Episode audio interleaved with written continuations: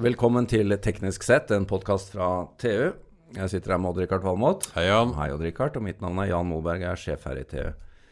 Odd-Rikard, nå skal vi inn på et område som er, er blant dine i hvert fall 50 prioriterte Ja, ja. toppområder. Og så smeller det så fint. Ja. Hvor var du hen i militæret? Ja, jeg var litt øh, overalt. Det var stort sett på Ørlandet, i luftvernartilleriet. Hadde du noe teknologi mellom hendene da? Ja, jeg hadde litt teknologi fra altså, ganske gammel teknologi, men jeg kom senere, da, Ja. mange år senere, kom i Heimevernet, så hadde vi altså luftvernkanoner øh, fra 1943. Ja. Det var det vi forsvarte Fornebu med, Nettopp. inntil flyplassen ble nedlagt. Vi forsvarte, ja. Vi, ja. Eh, eh, ja. ja, flere av oss. Nei, jeg var på, på evigmoen hos kaptein Satan, og han lot oss også skyte litt.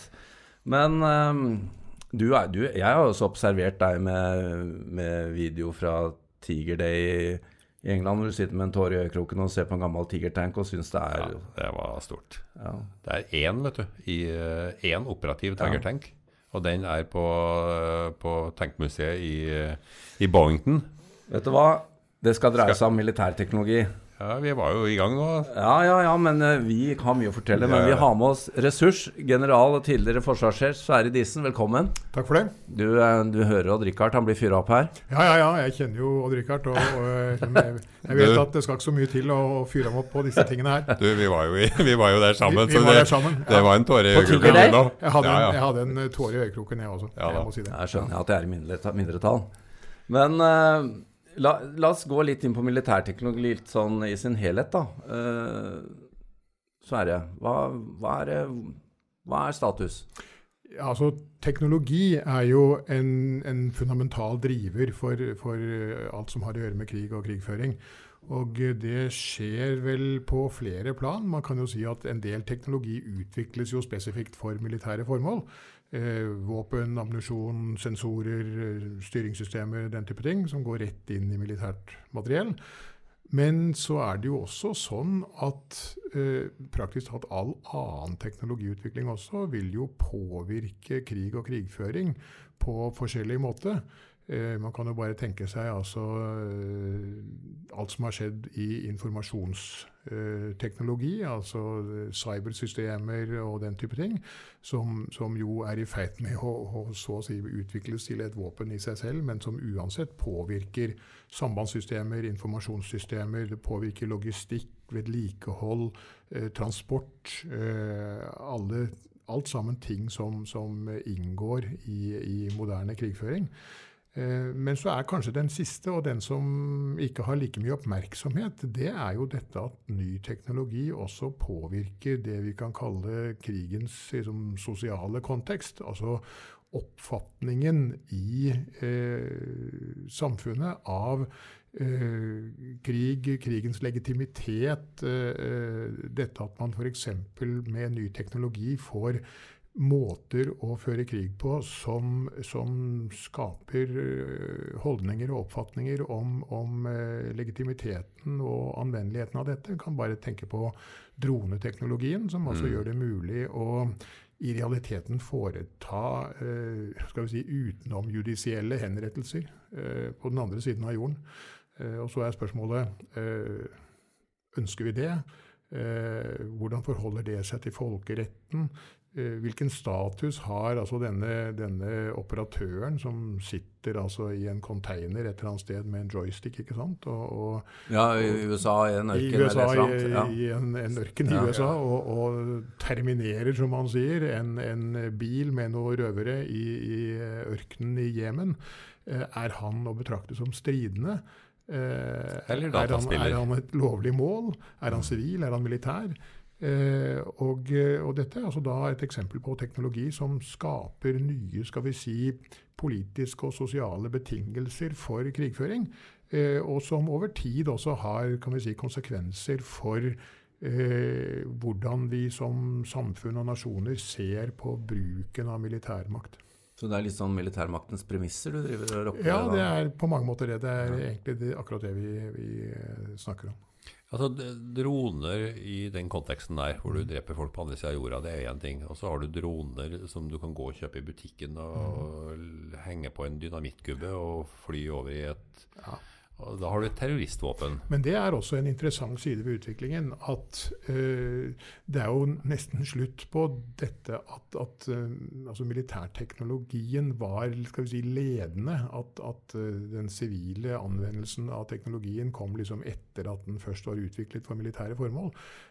nå ser vi at det er f.eks. Altså innenfor simulatorer som brukes altså i, ja. i veldig stor grad i, i trening og øvelser. Eh, for å gjøre ting både mer realistisk og, og kanskje også billigere, for å gjøre ting mulig i det hele tatt. Eh, der er det kanskje altså spillindustrien som, som liksom er ja. de som ligger lengst frem, og, og de militære kommer etter. Eh, og sånn men, var det ikke for 20 år siden? Sånn var det ikke for hvis du går en generasjon tilbake. Mm. Men det er jo også et, et, viktig poeng dette at fordi teknologi som før ble utviklet for militære formål i Eh, skal vi si, veldig strengt bevoktede og beskyttede vitenskapelige og industrielle miljøer. Eh, det er nå teknologi som liksom er på nær sagt eh, vidvanke, og gjør at vi også får Det er altså andre, det er andre aktører enn store og ressurssterke stater som faktisk altså kan benytte seg av teknologi som gjør dem til farlige aktører. Så meget mer som de selvfølgelig også er altså uforutsigbare og mm. politisk eh, ekstreme, kanskje. Eh, og det gjør jo altså at eh, skal vi si, dette fenomenet som vi kaller eh, ikke-statlige aktører, eh, som har altså teknologi og, og, dermed muligheter til å, å anrette skade, som, som, var helt utenkelig for en generasjon siden, hvor det farligste en sånn gerilja eller opprørsbevegelse, mm. det farligste de hadde, var en kalasjnikov. ikke sant? Ja. Eh, så har de i dag helt andre muligheter. Samtidig, så dette har jo du vært inne på før, at um, i hvert fall den vestlige verdens toleranse overfor skadeomfang er jo Det skal jo ikke mer enn et par dødsfall til, så er det jo full CNN. Nei, det er altså akkurat denne CNN-effekten. Og det, mm. det, er også et godt eksempel på en konsekvens av teknologi. For det er klart at eh, hvis vi går tilbake til altså Krimkrigen hvor, hvor altså krigens konsekvenser var noe du leste om, eh, verbalisert, eh, en uke etter at det skjedde. Ja. Ja. Det er altså noe helt annet enn å få det beamet inn i, i stua i, eh, foran TV-en i beste sendetid, så å si i samme øyeblikk som det skjer. Ja. Eh, der var vel Vietnam en uh, vekker? Der var jo Vietnam en, en skal vi si, en, en sånn uh, first uh, når det gjelder akkurat dette. Og det har jo påvirket igjen, altså det har påvirket helt fundamentalt aksepten for skal vi si bruken av krig som et, et politisk virkemiddel. Altså forholdet mellom hvilke politiske mål og goder som rettferdiggjør hvilke eh, mm. skader og, og, og, hvilke kan du si, krigshandlinger. Eh, det er en sånn kulturelt betinget størrelse som, som da typisk påvirkes av eh, teknologi og teknologiske muligheter til å, å, formidle hva som faktisk skjer. Mm. Hva skal vi være virkelig redd for for tida? Er det cyberkrigføring som er uh noe av det verste? Altså, Ja og nei, hadde jeg nær sagt. Altså, disse, disse forestillingene om uh, cyberkrigføring og, og, dette er jo problemer som vi studerer ganske inngående på, på FFI. Uh, flere prosjekter som, som, går på dette. Men jeg vil nok si at underholdningsindustrien kanskje har skapt liksom, litt gale forestillinger om dette ved at man har liksom, bygget opp en sånn forestilling om sånne spektakulære cyberoperasjoner, hvor man liksom hacker seg inn og overtar datastyrt infrastruktur. Og så får man det til å eksplodere eller begynne å brenne, og åper damluker og drukner en hel by. og, og den type Du må ting. sitte mye på kino og gjespe, du, da. ja, altså Dette, dette Vi er jo helt med! Vi er jo helt med. Men dette er klart at, at det er, altså den, den, type ting er jo mulig. Eh, men, men eh, det er nok betydelig vanskeligere enn en underholdningsindustrien vil ha oss til å tro. Og så er det jo det da, at et cybervåpen er jo, når du først har brukt det, så, så, er det jo på mange måter også ikke bare brukt, men det er forbrukt. ved at eh, da kan det ikke brukes igjen.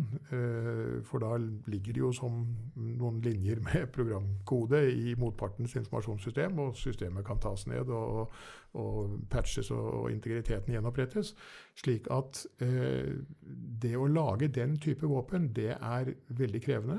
Og det skal være veldig viktige mål for at man skal ta den kostnaden og, og, og ha den kompetansen det krever.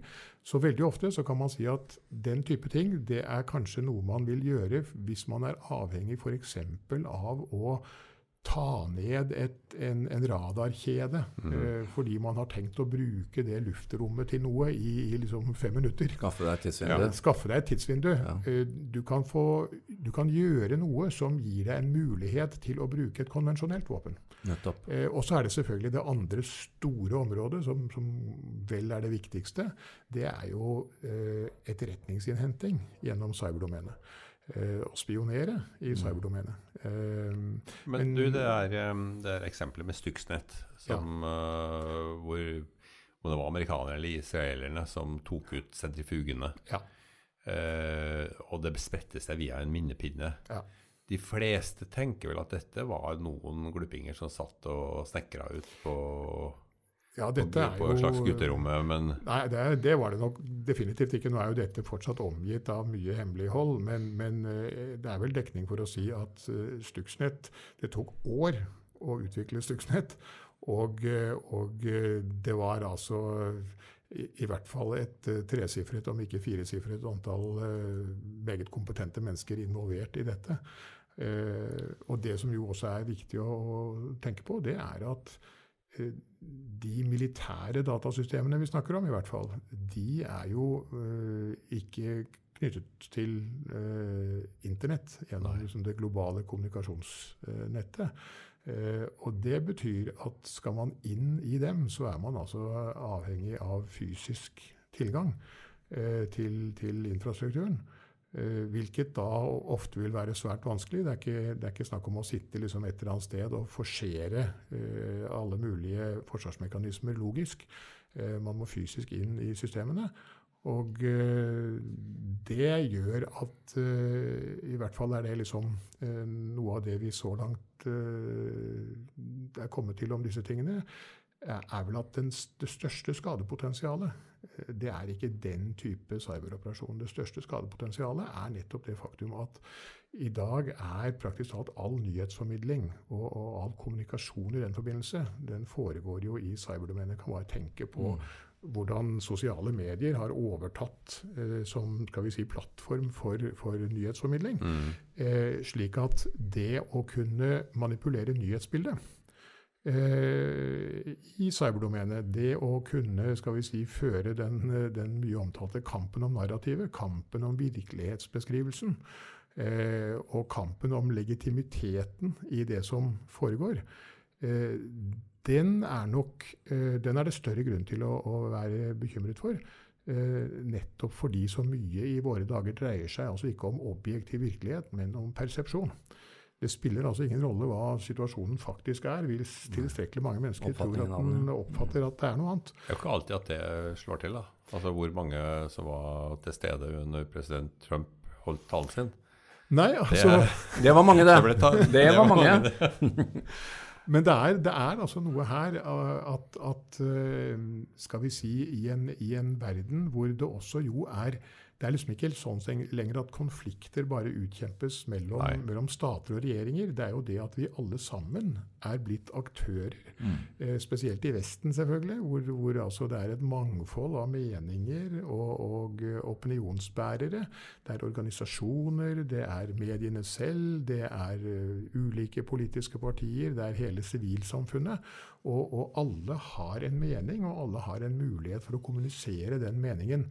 Og det gjør jo at det oppstår altså et, et, et, mangfold i denne kampen om narrativet, som selvfølgelig er det ideelle mål for en, en ressurssterk eh, stat, som, som eh, da kan selvfølgelig legge opp en kampanje som, som kanskje dreier seg altså 10-20 om, om konvensjonell militærmakt, meget begrenset omfang, men hvor, hvor, grunnen beredes, og hvor veldig mye av, av, kampanjen og operasjonen faktisk dreier seg om å nettopp skal vi si, legge et, et, et opinionsmessig grunnlag for å bruke makt. Men da høres det jo ut som at vi utvikler jo, eller vi, altså verden utvikler jo stadig mer avansert våpenteknologi, eller forsvarsteknologi, eller hva du vil. Men den vil jo bli i stadig mindre grad benyttet, hvis ja, det er sånn? Det er veldig riktig, og det er jo på mange måter et paradoks. Um, og det er jo et slags dilemma også, fordi Det er lite bang for the buck? uh, ja, det kan man jo si. For det blir altså, hvert smell blir jo stadig dyrere ved ja. innsats av, av, mer og bedre teknologi.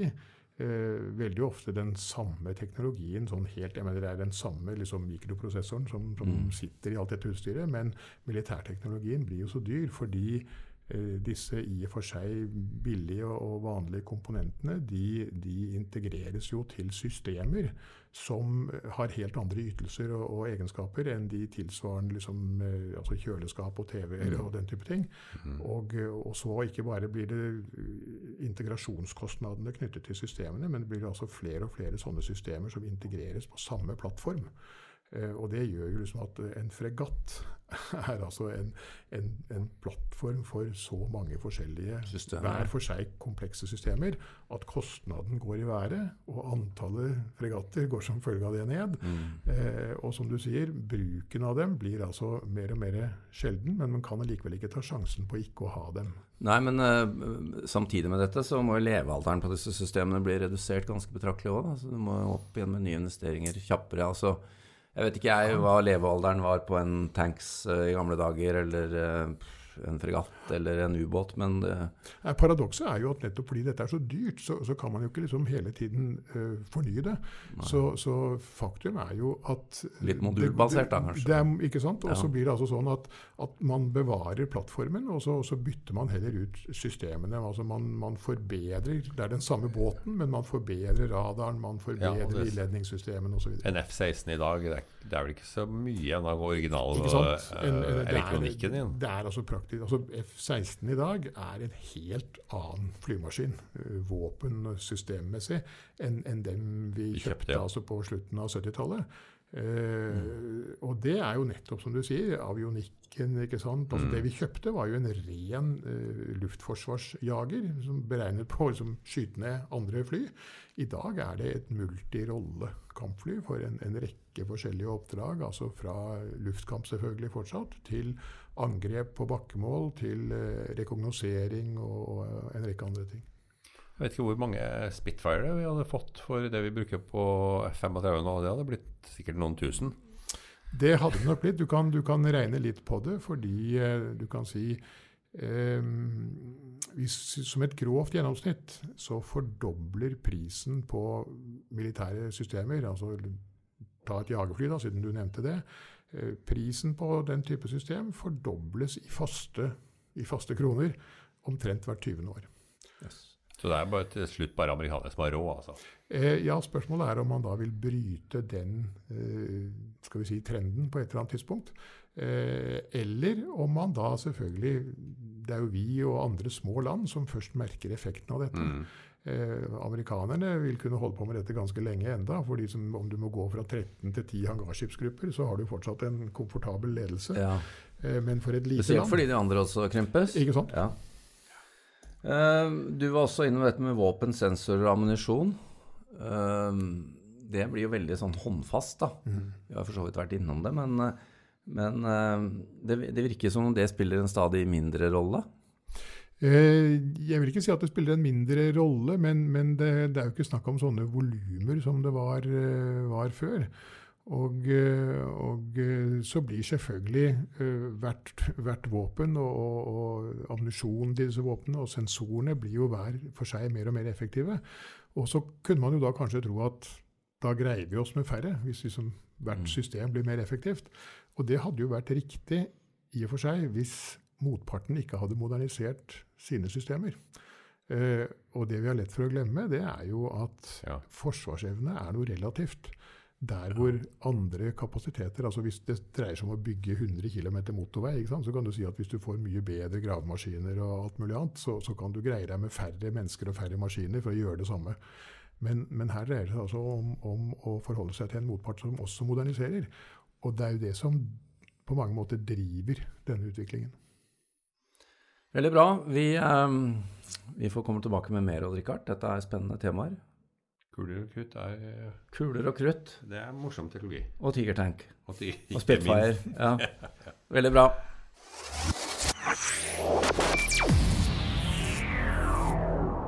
you